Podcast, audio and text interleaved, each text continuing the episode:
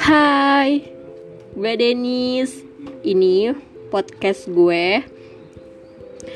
Gue akan berbagi cerita melalui podcast ini. Dan selamat mendengarkan. Semoga tidak bosan ya. Thank you.